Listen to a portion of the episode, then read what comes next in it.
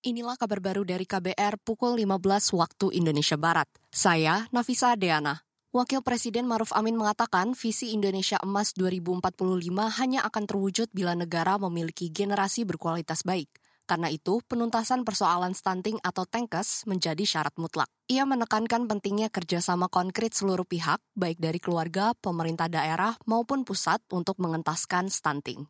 Menuju Indonesia bebas stunting, saya minta bukan sekedar retorika, tetapi betul-betul menjadi pemantik kesadaran dan mobilisasi seluruh unsur untuk berkontribusi dan berkolaborasi erat di dalam mewujudkannya.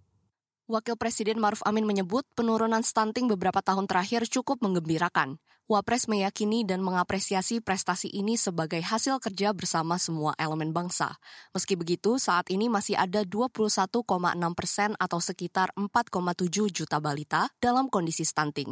Hal tersebut menjadi pekerjaan rumah seluruh pihak untuk mencapai target stunting 14 persen pada 2024. Kita ke berita lain.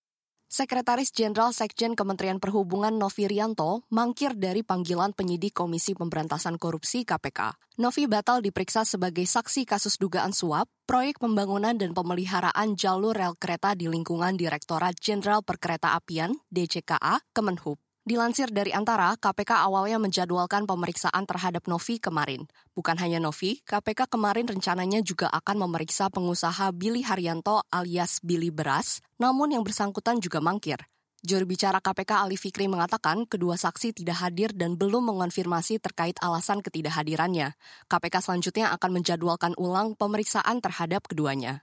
Awal April lalu, penyidik KPK melakukan operasi tangkap tangan OTT terkait dugaan korupsi di Balai Teknik Perkeretaapian kelas 1 wilayah Jawa bagian tengah, Direktorat Jenderal Perkeretaapian DJKA Kemenhub.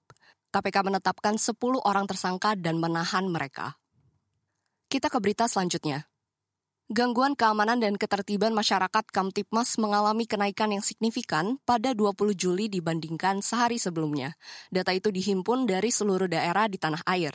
Hal itu disampaikan juru bicara Mabes Polri Ahmad Ramadan. Ia menyebut kasus pencurian dengan pemberatan curat menjadi yang tertinggi yakni 200-an kasus. Secara umum tren gangguan Kamtipmas mengalami peningkatan sebanyak 678 kasus atau 56,03 persen, yaitu pada hari Rabu 19 Juli 2023 sebanyak 1.210 kejadian dan pada hari Kamis 20 Juli 2023 sebanyak 1.888 kejadian.